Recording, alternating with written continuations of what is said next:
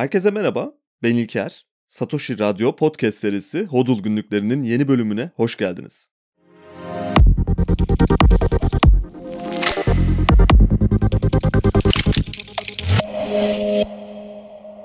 Bugün biraz oyun teorisi üzerinde konuşmak istiyorum.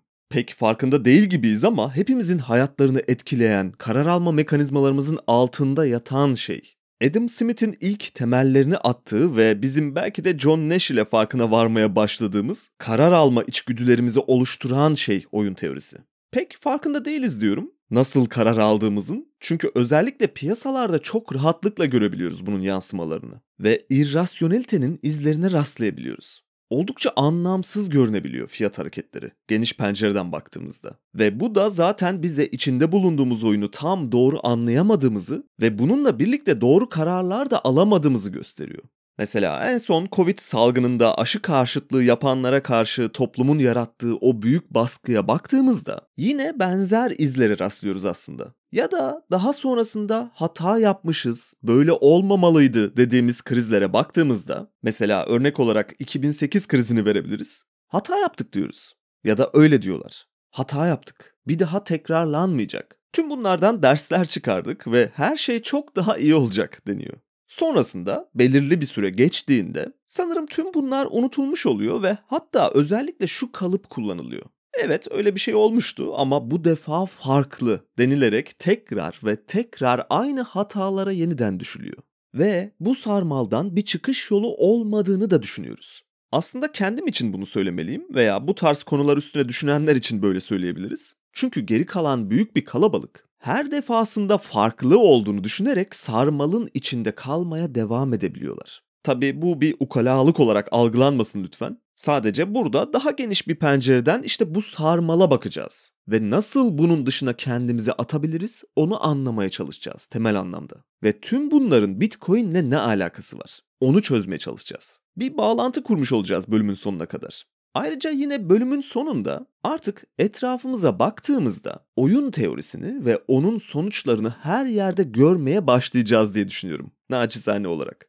Adam Smith şunu savunuyordu. Eğer herkes kendi çıkarlarına uygun hareket ederse aynı zamanda toplumsal olarak da ileriye gidebileceğimizi çünkü herkesin pozitif sonuçlarının toplamının tüm topluluk için bileşik olarak eklenerek yine pozitif bir sonuca yol açacağını söylüyordu. Daha doğrusu böyle bir fikri vardı ve kapitalizmin temelini bir noktada bu fikri oturtuyordu. Zaten o yüzden kapitalizmi seviyoruz ama o kısma daha sonra geçeriz. Şimdilik biraz daha temel atalım. Ve burada bir kapitalizm övgüsü veya eleştirisi de yapmayacağız bu arada. Yalnızca bu kavramı yanlış anlıyor olabiliriz belki. Onun altını çizmeye çalışacağız. Devam edelim. Fikir çok mantıklı görünüyor ilk bakışta. Eğer herkes kendisi için en iyi olanı tercih ederse buradan bir pozitif değer yaratmış olacak ve herkes aynı şeyi yaptığından dolayı herkes benzer bir pozitif sonuca ulaşmış olacak kendisi için. Ayrıca bu da toplumda yine pozitif bir sonuç olmuş olacak. Fakat Adam Smith yanılıyordu ve birazdan bunu örneklerle açıklayacağım. Bu çok önemli bir konu ve iyi anlamamız her şeyi değiştirecek bana göre. Bu da benim fikrim. Katılmayanlar olabilir tabii ama önce biraz oyunlardan bahsedelim. Sonra da tek tek konu başlıkları içine dalmaya başlayacağız zaten. Oyun teorisi sanırım 20. yüzyıl için konuşursak geliştirdiğimiz en önemli teorilerden biri olabilir. Ekonomik alanlarda uygulamalarını görebiliyoruz. Bilim dallarında yine bazı noktalarda kullanılıyor. Hatta evrimsel biyolojinin ve evrim teorisinin içine bile yerleştirilmiş durumda şu anda baktığımızda. Belki daha da önemlisi politikacılar tarafından kullanılıyor, faydalanılıyor ve biz tüm bunların pek farkında değiliz ama günlük hayatta önemli veya önemsiz kararlar alırken, yaşamaya çalışırken biz de oyun teorisine göre hareket ediyoruz yaşamın amacı nedir sorusunun çıkış noktası ya da bu ürünü almalı mıyım yoksa daha ucuz olan başka bir muadiline mi bakmalıyım sorularının yine çıkış noktası oyun teorisi. Yine bir başka örnek verirsek Bitcoin tutmalı mıyım yoksa bu yeni teknolojiyi göz ardı edip hayatıma devam mı etmeliyim sorusuna cevap verirken yine aynı şeyi yapıyoruz. Tabii tüm bunların yanında her şeyi açıklamayabilir. Böyle bir iddiam da yok bu arada. Onu da belirteyim. Fakat birçok şeyi açıkladığı kesin. Ama belki rasyonellik dışındaki çılgınlıkları açıklamak konusunda eksik kalıyor olabilir. Aslında daha da doğrusu irrasyonellik de oyun teorisinin içinde ama ona karşı belki bir cevap üretemiyor diyebiliriz. tüm bu soruların cevaplarını aramaya ta Aristo'dan ve hatta daha öncesinden itibaren de başlayabiliriz. Hayatın amacı nedir? İnsanın yaşama arzusu ve var olma nedeni nedir gibi sorular da sorabiliriz. Bizi yani insanları diğer hayvanlardan ayıran farklar nedir diye sorabiliriz. Ve bunlar binlerce yıldır sorduğumuz, cevaplarını aradığımız şeyler. Herkesin de farklı bir fikri var gibi görünüyor ama aslına bakarsanız yine temel anlamda değerlendirdiğimizde ana sonuç tek bir noktada birleşiyor diyebiliriz. Aristo'nun bu sorulara cevabı insanın rasyonel olabilmesi ve prensipler geliştirebilmesi olmuş. Etik olabilmesi diyor. Tolstoy'a göre yine aynı sorunun cevabı ahlaklı olmakta, iyi niyette ve yüce bir güce olan bağlılıkta olabilir diyor. Etik yine önemli bir ayrıntı onun içinde. Adam Smith'e sorarsak ki bana göre onun cevabı en anlaşılır ve basit cevaplardan birisi. İnsan pazarlık yapan bir hayvandır diyor. Ve işte tam bu noktadan başlıyor bence hayattaki amacımız ve yaşama biçimimizi şekillendirme yolculuğumuz. Etik kurallarımız, ahlak ve iyi niyet tam olarak işte bu pazarlık aşamasıyla birlikte başlıyor. Şöyle ki, isterseniz yavaş yavaş örneklendirmelere geçelim. Eski düello oyunlarını bir düşünelim. Etik ve ahlaklı olanlardan bahsediyorum tabii. Amerikan Cowboy filmlerinde birçoğumuzun gördüğü bir sahneye gideceğiz bu düello oyununu anlamak için. Oyun şöyle, İki adam birbirlerine sırtlarını dönerek adım atmaya başlıyorlar ve bir düzlemde birbirlerinden uzaklaşarak ilerliyorlar. Belirli bir uzaklığa geldiklerinde duruyorlar ve dönüyorlar, ateş ediyorlar. Artık kim kimi vurabilirse. Burada bir oyun teorisi mevcut. Şimdi bu oyunu birkaç adım ileri götürelim. Oyuncuların ellerindeki silahları da alalım ve daha zararsız bir alet verelim onlara. Mesela küçük bir taş olabilir veya bir top olabilir. Şimdi oyunculara kuralları şöyle açıklayacağız. Birbirlerine döndükten sonra herkesin iki seçim yapma şansı var. Birincisi adım atabilirler ileriye doğru. İkincisi ellerindeki taşı veya topu rakiplerine atabilirler. Oyun da şöyle işliyor. Hangi oyuncu diğerini vurursa o kazanmış oluyor ve elbette ellerinde sadece bir tane taş veya top var. Oyun oyunculardan ikisi de elindeki aleti kullanana kadar devam ediyor ve bu kısmı çok çok önemli bir ayrıntı dikkatli bir şekilde dinlemeyenler için biraz açmak istiyorum. Çünkü aslında dikkatli dinlenilse bile tam olarak anlaşılmayan bir ayrıntı. Oyunun bir karara bağlanması lazım. Bu sonlu bir oyun. Ayrıca sıra tabanlı bir oyun. Onu da belirtmek gerekiyor. Diyelim ki oyunculardan biri ilk hamle olarak adım atmayı tercih etti. Diğer oyuncu da bir adım attı. Sonra belki diğeri de bir adım attı. Sonra bir noktada oyunculardan birisi artık elindeki taşı veya topu kullanmak isteyecek hedefi tutturma şansı olduğunu düşündüğünde bunu yapacak. Sonra bu noktada atışını yaptı ve kaçırdı diyelim.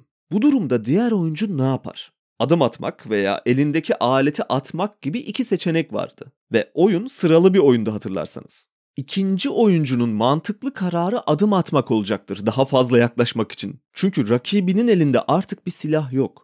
İkinci oyuncu adım attığında sıra elinde silah olmayan birinci oyuncuya tekrar geçecek ve onun da bir tercih hakkı vardı yine hatırlarsanız. Fakat bu kez mecburen adım atmak tercihini kullanmak zorunda kalacak. Bu durumda oyun sonu ancak ikinci oyuncu belki de diğer oyuncuyla karşılıklı adımlaşarak dibine girene kadar devam eder. Ve neredeyse sıfır noktasında birbirlerinin dibine kadar geldikten sonra ikinci oyuncu elindeki silahı yine neredeyse %100 tutturma ihtimaliyle kullanır değil mi? İşte bu çok kritik bir nokta oyunun anlaşılması için. Kısaca iki oyuncu da ancak gerçekten güvenli olduğunu düşündüklerinde atış yapma kararı almak durumundalar. Yoksa silahlarını boşa harcayıp oyunu garanti bir şekilde kaybedecekler. Bu oyunculardan birinin yerine koyun kendinizi ve karşınızdaki hayali ikinci oyuncuyla adımlaştığınızı düşünün. Hangi noktada atış yapmaya karar vereceksiniz? Şimdi bu soruyla birlikte buradaki sorunları henüz görmeye başladınız mı bilmiyorum ama bu soru yani karar alma noktası Cevabı aslında bir anlamda çok kolay olan ama başka bir anlamda düşündüğümüzde de çok çok zor olan bir soru. Ve tarif ettiğimiz oyun aslında göründüğü kadar basit değil. Daha iyi anlayabilmeniz için isterseniz bunu yeterince geniş bir alanda ikinci bir oyuncuyla oynamayı denemenizi tavsiye edebilirim. Sonuçları daha yakından görmek için. Aslında önümüzde büyük bir problemler yığını var bu oyunda karar almaya çalışırken. Şöyle ki adım attıkça yani kararımızı değiştirmeden ilerledikçe uygun bir uzaklığı yakalamak isterken kendi yeteneklerimizi çok büyük görebiliriz. Yani belki vaktinden önce atış için karar verebiliriz ve ıskalarsak zaten oyunu kaybetmiş oluruz. Bu hemen hepimizin aklına gelen bir seçenek. O yüzden doğru zamanda atış kararı vermemiz gerekiyor. Fakat burada problemli bir nokta daha ortaya çıkıyor. Biz doğru pozisyonu beklerken yani adım atmaya devam ederken karşı tarafta adımlarını atıyor ve bir noktada bizden önce davranabilir. Atışını yapabilir ve bizi vurabilir. Karşı taraftan erken davranmamız gerektiğini düşünüyoruz doğal olarak. Doğru yolun bu olduğunu hissediyoruz. Fakat doğru yol bu da olmayabilir. Şöyle ki bizim atış yapmamız için bazı ihtimalleri gözetmemiz gerek. Vurma ihtimalimizin yüksek olduğu anı tercih etmeliyiz dedik. Fakat o adıma ilerleyene kadar aynı zamanda karşı tarafın bizi vurma ihtimalinin de bir hesabını yapmamız gerekiyor. Kısaca şuna bakmamız lazım. İki taraf birbirine yaklaşıyor ve iki tarafın da aynı atış yeteneğine sahip olduğunu varsayalım. Ki bu arada bu varsayım aslında çok kritik bir nokta ve buraya sonradan geri döneceğiz. Fakat şimdilik iki tarafı eşit yetenekte kabul edelim. Her adım atışında da vurma ihtimali oyuncuların her biri için %5 yükseliyor diyelim. Burada basit bir hesaplama yapıyorum çünkü bileşik ve karmaşık formüllerin içinde kaybolmayalım. Çok basit bir şekilde gidersek 20 adım attığımızda %100 vurma şansına erişiyoruz demektir. Her adımda %5 ihtimalden. Fakat karşı taraf için de aynı şey geçerli. Öyleyse birbirimizden uzaklığımız da doğal olarak 20. adımda %100'e ulaşıyorsa burası sıfır noktası demektir. Yani oyuncuların uzaklığı 20 adım demektir aynı zamanda. O halde biz 10. adımı attığımızda atış yapmamız gerekiyor.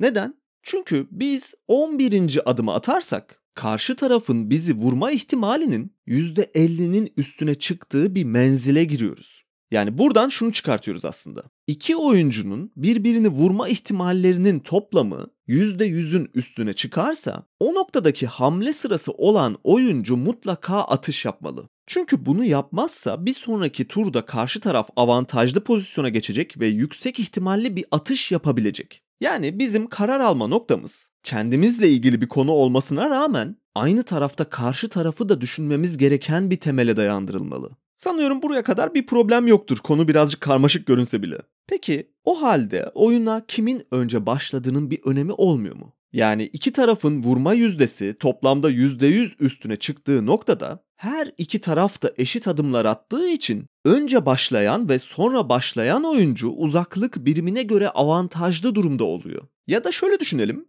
Biz her adımda %5 ihtimal kazanırken 6. adımda toplam ihtimalimiz %30 oldu ve karşı taraf için de yine %30 ihtimal var. Öyleyse ikimizin toplamı %60 ihtimal ve atış yapmamıza gerek yok çünkü risk almış olacağız. Adım atmamız gerekli o noktada. Fakat adımları da saymamız gerekli. Çünkü karşı tarafın bizden daha yüksek bir vuruş yüzdesi adımına ulaşmasını ve aynı zamanda toplamda %100 üzerine çıkmasını istemememiz gerekiyor. Peki bir değişken daha ekleyelim. Karşı tarafın atış yeteneği bizden daha yüksek olsun. Biz her adımda %5 kazanırken o %10 kazansın. O halde biz çok kötü bir pozisyondayken atış yapmak zorundayız. Ve burada işte can alıcı nokta devreye giriyor. Bu basit düello oyununda ve normal şartlar altında deney ortamında belirlenen sabitler haricinde hayattaki karar alma mekanizmalarımız bu kadar kolay tespit edilemiyor.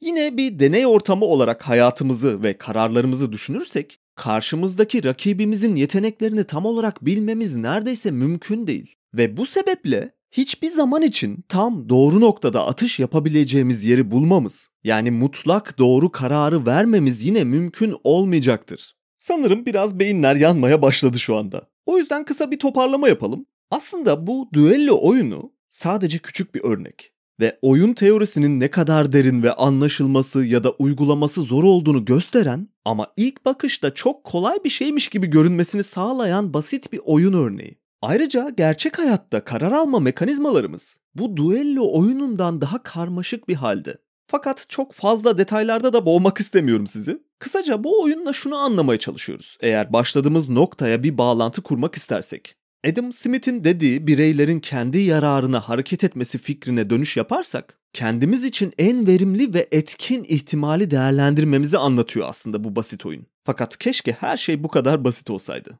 Çünkü bu kapalı ve sonlu bir oyun. Gerçek hayat çok daha farklı.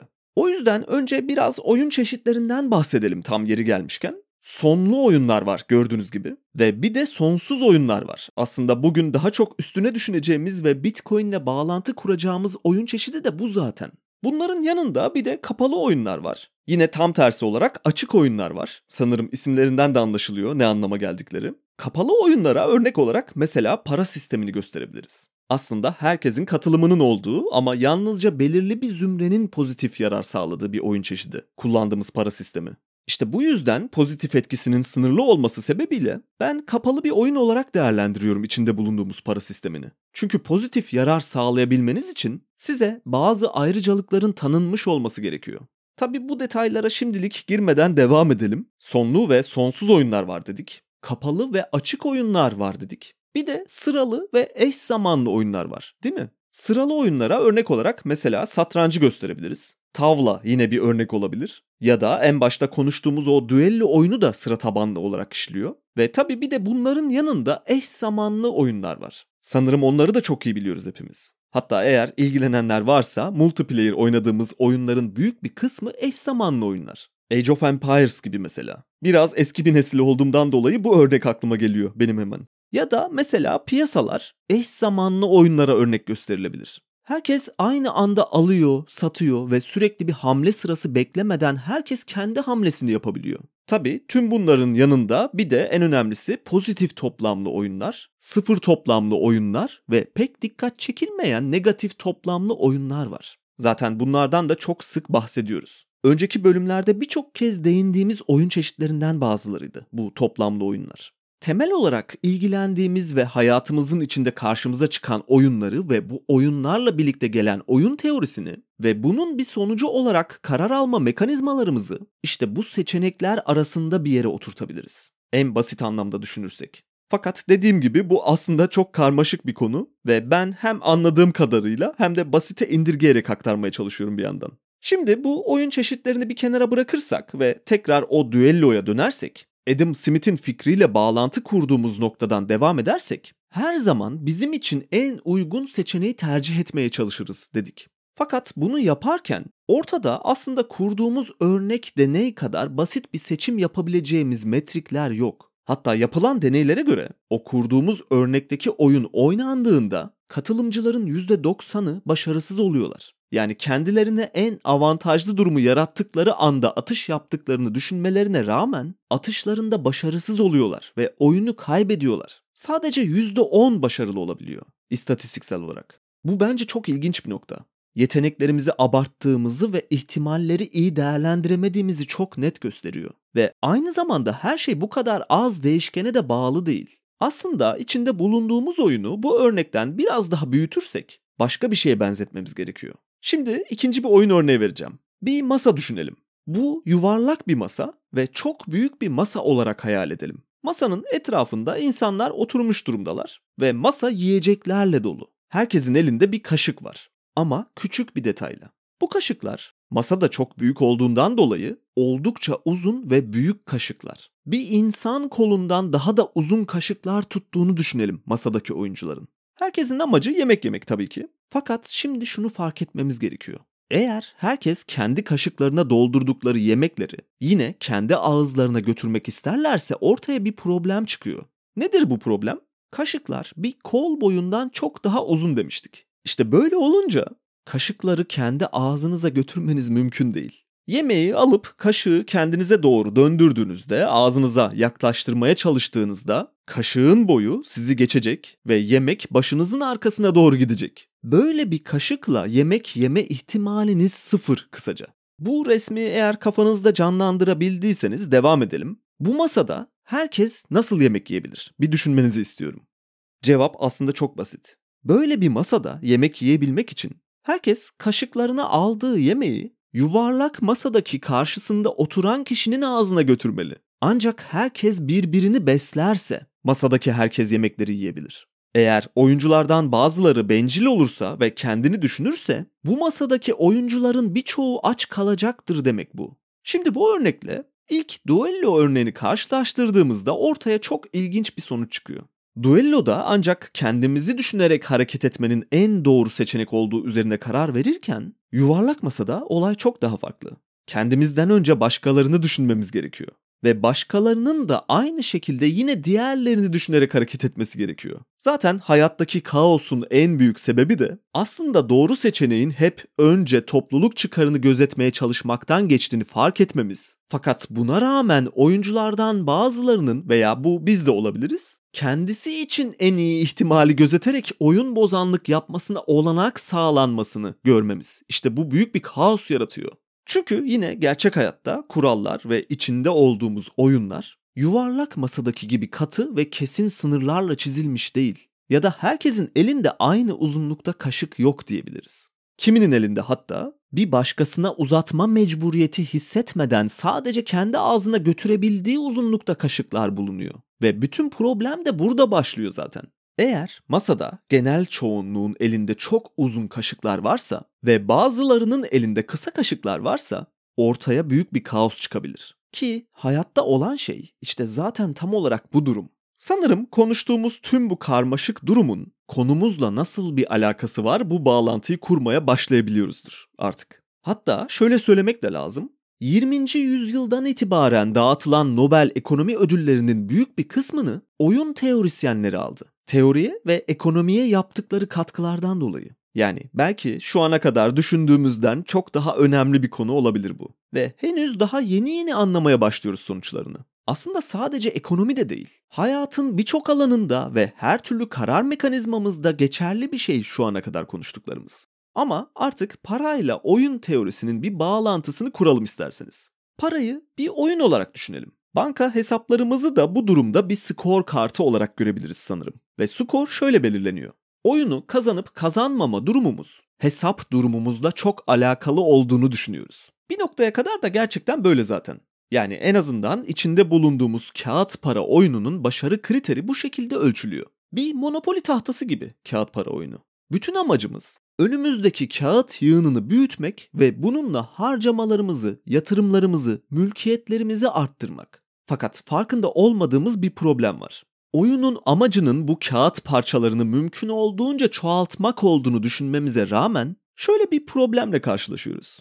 Eğer herkes bizim gibi yaparsa, yani kağıt yığınlarını çoğaltmaya çalışırsa bu hepimiz için çok iyi bir sonuç olmuyor aslında. Enflasyonla yüzleşiyoruz çünkü. Daha da detaylı baktığımızda bu probleme oyunun kuralları çok belirli olmadığından dolayı ve bir otorite tarafından her an için değiştirilebildiğinden dolayı gerçekten de herkes önündeki kağıt yığınlarını çoğaltabilir aslında. Eğer işte bu duruma oyun teorisi bakış açısıyla yaklaşırsak, herkesin kişisel olarak çıkarlarına olan sonuç, yani hesaplarını büyütme seçeneği, tüm topluluk için aslında hiç de iyi bir seçenek değil. Yuvarlak masayı tekrar hatırlayın lütfen. Herkes kendini düşünürse ve kendi mal varlığını yükseltmeyi hedeflerse, bunun için takas aracı olarak kullanılan nesne artık her neyse ki bizim oyunumuzda kağıt paralar bunlar. Önce ve doğal olarak bu nesneleri biriktirmeye odaklanıyorlar oyuncular. Sadece bununla da kalınmıyor. Sistem tıkanmaya çok yatkın olduğundan dolayı bu nesne yani takas aracı herkesin kolayca ulaşabileceği bir araç olarak tasarlanıyor. Görünüşte böyle en azından. Sonuç olarak insanlar bir emek karşılığı yani ürettikleri bir değer karşılığı bu nesneye ulaşıyorlar ve onu biriktirmeye başlıyorlar. Ayrıca insanlar hep daha çok biriktirmek istiyorlar. Daha çok harcamak istedikleri için. Daha çok biriktirebilmek için de daha çok emek ve enerji harcamak yerine sadece aynı şeyleri yaparak karşılığında daha çok kazanmak istiyorlar. Bu kazancın da nereden geldiği pek önemli değil. Sadece hesaplarında bunu fark etmeleri yeterli oluyor. İşte bu yüzden ekonomileri mikro ölçekte değerlendirdiğimizde oyun teorisinde konuştuğumuz o yuvarlak masa örneğine çok rahatlıkla benzetebiliriz. Hepimiz bu masada oturuyoruz ve önümüzdeki yemekten sağlayabileceğimiz maksimum faydayı sağlayabilmek için sadece kendimizi düşünüyoruz. Ve işte bunun kapitalizm olduğu savunuluyor. Çok yanlış bir çıkarım. Ve o yüzden zaten kapitalizmi yanlış anlıyoruz ve yanlış yorumluyoruz. Bütün problemin masadaki yemeğin paylaşımında saklı olduğunu düşünüyoruz. Ama aslında problemin temeli bizim insani duygularımızdan kaynaklı. Problem biziz aslında. Bizim dönüştürdüğümüz araç problemin kendisi. Para sistemini masadaki yemek olarak düşünürsek ve elimizdeki kaşıkları kullanma biçimimizi de emek ve enerji harcamak olarak değerlendirirsek belki her şey çok daha net bir şekilde görünebilir. Bu masa oyununda çok büyük problemler var. Şöyle bir göz atalım buradaki problemli durumlara isterseniz. Öncelikle masanın boyutu ciddi bir problem. Masayı bir değer pastası olarak düşünebiliriz. Değeri büyütmek için masanın büyümesi gerektiğini düşünüyoruz. Doğal olarak. Herkes için en iyi sonucun bu olduğunu savunuyoruz. Çünkü bireysel olarak bizim için en iyi tercih bu demiştik. Masadan daha fazla pay alabilmemiz için yapılabilecek en önemli değişikliğin masa boyutu olduğunu fark ediyoruz hemen. Fakat problem şu. Bu masada herkes eşit şartlarda yarışmıyor. Kiminin elindeki kaşık daha uzun ve daha büyük, kimininki çok kısa ve küçük, kimi masadaki bazı koltukları fazladan işgal etmiş durumda. Yine kimisi bazen oturacak yer bulamıyor veya hatta eğer bu masayı bir restoranda hayal edersek kiminin rezervasyon yaptırma şansı bile yok bu masaya. İşte para sistemimizi en basit tabiriyle sanırım bu şekilde özetleyebiliriz. Ve masanın kuralları sürekli olarak değiştiriliyor bir de bir yandan. Masanın sahibi devletler ve merkez bankaları. Eşgüdümlü bir şekilde çalışıyorlar. Ve masaya kimin oturacağına, kimin kalkacağına, kimin elinde hangi uzunlukta kaşık olacağına ve kimin önüne ne tür yemekler konulacağına onlar karar veriyorlar. Küçük bir deney ortamı üzerinden konuşuyoruz aslında burada. 8-10 kişilik bir masa hayal ediyoruz belki hepimiz. Fakat şimdi bu masayı milyonlarca kişinin oyun alanı olarak düşünelim. Bütün vatandaşların aynı masadan beslenmeye çalıştığını ve eş zamanlı bir oyunun içinde olduğunu hayal edelim. Kural koyucuların herkes için eşit ve adil bir şekilde bu masayı yönetmesi ve masanın üstündeki besinleri adil bir şekilde dağıtmasını sağlayacak hiçbir değişiklik yok. Hiçbir düzenleme, hiçbir kural değişimi veya demokratik bir sistem bu masayı herkes için yeterli bir hale getiremez. İşte anlamadığımız ve fark edemediğimiz en büyük problem de burada saklı bana göre. Ve para sistemimizin köklerinde saklı problemin kendisi yine. Çünkü herkes eşitlik ve adalet kavramlarını ön planda tuttuğunu söylerken aslında eylemlerimiz tam olarak böyle değil. Çünkü masada herkesin paraya ulaşımı ve kaynaktan yararlanma oranı aynı değil. Otorite istediği zaman, istediği şekilde kurallarda değişiklikler yapabilir ve biz de sıradan insanlar olarak bu değişikliklerden faydalananları sadece uzaktan izlemekle yetinebiliriz. Yapabileceğimiz veya değiştirebileceğimiz neredeyse hiçbir şey yok. Demokrasinin bunun bir çözümü olduğunu düşünüyoruz ama yine yanılıyoruz. Ve aslında yine para sisteminin kökleriyle birlikte bulduğumuz demokrasi çözümü de yine aynı derecede masanın adil olmamasının en büyük sebeplerinden birisi. Fakat o detaya çok girmeyelim. Konumuzun içinde değerlendirmeyelim şimdilik. Çünkü çok farklı noktalara doğru gideriz. Ve geri dönüşümüz çok kolay olmaz. Burada da sınırlı bir zamanımız var ve bu zamanı etkin kullanmamız gerekiyor. Devam edelim. Oyunun kuralları doğru değil dedik. Bu zaten masadan kalkmak istememizin en büyük sebeplerinden birisi. Fakat oturabileceğimiz başka bir masa yoktu kalkmak istesek de şimdiye kadar. En azından Bitcoin gelene kadar bir alternatif yoktu hiçbirimiz için. Fakat o kısma geçmeden önce şimdilik oyunun kendisine bakmaya devam edelim. Fark edebileceğiniz gibi bu masadaki oyun sıra tabanlı bir oyun değil. Eş zamanlı bir oyun. Yani karşımızdaki rakip veya diğer bir oyuncu hamle yaptığında biz bunu görerek hareket etmiyoruz. Herkes her zaman için aynı anda hamlelerini yapıyor. Ve burada pek bir problem yok aslında ama bilmemiz gereken detaylardan birisi. Çünkü karar alma metriklerimizi tamamen değiştiren ve oyunu oynama şeklimizi gözden geçirmemizi sağlayacak bir farkındalık bu. Oyunun biçimini anlamak. Yine oyun pozitif toplamlı bir oyun değil. En azından kağıt para sistemi için bu geçerli. Herkesin kendi çıkarlarını gözettiği bir masada sanırım çok net bir şekilde açıklayabildiğimiz gibi pozitif bir toplam elde etmek pek kolay değil aslında. Ancak oyun kuralları ve bu tarz oyunların temelleri kişisel çıkarları ön plana getirmek üzerine kurulu. Buradaki problem kişisel çıkarlardan kaynaklanmıyor ama. Bu zaten oyun teorisinin temel argümanı. Kişisel çıkarlar her zaman için herkes tarafından ön planda. Öyle de olmalı bana göre. Fakat oyun bunu gözeterek kurulmalı ve kişisel çıkarlar toplam oyuncuların hepsinin kararlarını etkilerken yine toplam faydaya katkı sağlanması gözetilmeli. Problem burada işte. Sanırım bu masayı şimdi biraz daha iyi anlıyoruzdur. Kuralların sürekli değiştiğinden bahsettik. Oyunun ana nesnesi kağıt paraların bir değer teorisine bağlanmadığını anlattık. Yine oyunun kurallarının yanlış kurulduğundan bahsettik. Şimdi şöyle bir bakarsak tekrar oyuna, sıfır toplamlı bir oyun var elimizde. Hatta negatif toplamlı bile olabilir. açık bir oyun gibi görünse de aslında kapalı bir oyun sistemi var dedik. Masada kimlerin oturabileceğine karar verilirken kurallar esnetilebiliyor veya belirli bir grubun çıkarları gözetilebiliyor. Ve bu masadaki oyun aynı zamanda sonlu bir oyun. İşte işler bu noktada biraz karışmaya da başlıyor. Masanın sonlu olmasını sağlayan şey yine kağıt paraların dizaynında saklı. Bu tür takas araçlarının bir kullanım ömrü var biz pek farkında olmasak da. Ortalama bir kağıt paranın değer saklama süresi neredeyse 15-20 yıl civarında. Yani bu şu demek aslında. Sıfır noktasından 15. 20. yıla kadar paranın değeri sıfırlanıyor demek. En iyi kağıt paranın değer saklama süresi 100 yıldan çok daha düşük bir noktada. Bugün dolara baktığımızda eğer alım gücü bakımından değerlendirirsek 1920'lerin bir dolarının değeri şu anda bir sent civarında. Biz bunu paranın zaman değeriyle açıklamaya çalışıyoruz ama neden böyle olduğunu anlamakta güçlük çekmemize sebep oluyor bana göre bu açıklama. Problemin kaynağını gizleyebilmenin önünü açıyor. İşte tüm bunları topladığımızda içinde bulunduğumuz oyun baştan sona yanlış kurgulanmış, belki isteyerek, belki istemeyerek, yanlı ve taraflı bir masa düzeni ayarlanmış, oldukça sıkıntılı ve genel toplama hiçbir katkısı olmayan bir düzen olarak görebiliriz. İktisatçılar ve ekonomistler bunu rakamlara yedirerek anlatmaya çalışıyorlar. Fakat bana kalırsa iktisat ve ekonomi rakamlara indirgenerek makyajlanacak bir bilim dalı değil. Daha çok insanlarla ilgili bir şey ve insan davranışlarını anlamaya yönelik bir dal olduğunu düşünüyorum. Her zaman için iki kişiden fazla bir katılımcı olduğunda çok basit bir tabirle elinizde bir oyun var demektir. Bu bir takas oyunu olabilir, değer oyunu olabilir, rekabet oyunu olabilir. Birçok farklı çeşidini konuştuk zaten.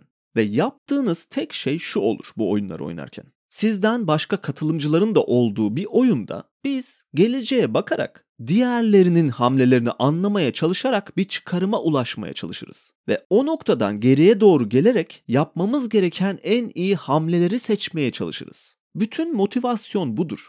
Bunu yaparken rasyonel bir şekilde düşünerek hareket etmeye çalışırız. Karşımızda rasyonel biri olmasa da. Hatta karşıdaki diğer oyuncuların rasyonel olmamasını kendi avantajımıza kullanabiliriz. O ilk konuştuğumuz düello oyununda erkenden silahına davranan uçuk, kaçık, rasyonaliteden uzak bir rakip düşünün mesela.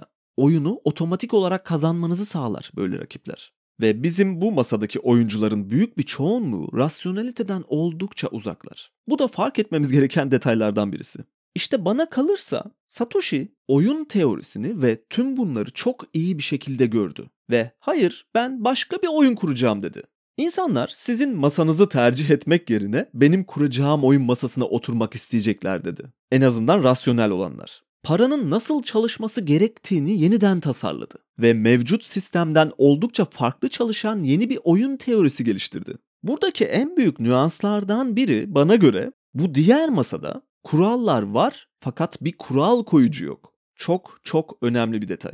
Oyun teorisini inanılmaz bir paradoksa sürüklüyor bu fikir eğer farkına varırsanız. Kural koyucu olmadığında kuralın da olmayacağını düşünüyoruz. Fakat Bitcoin bu fikrin pek de geçerli olmayabileceğini kanıtlamaya devam ediyor çalıştığı sürece.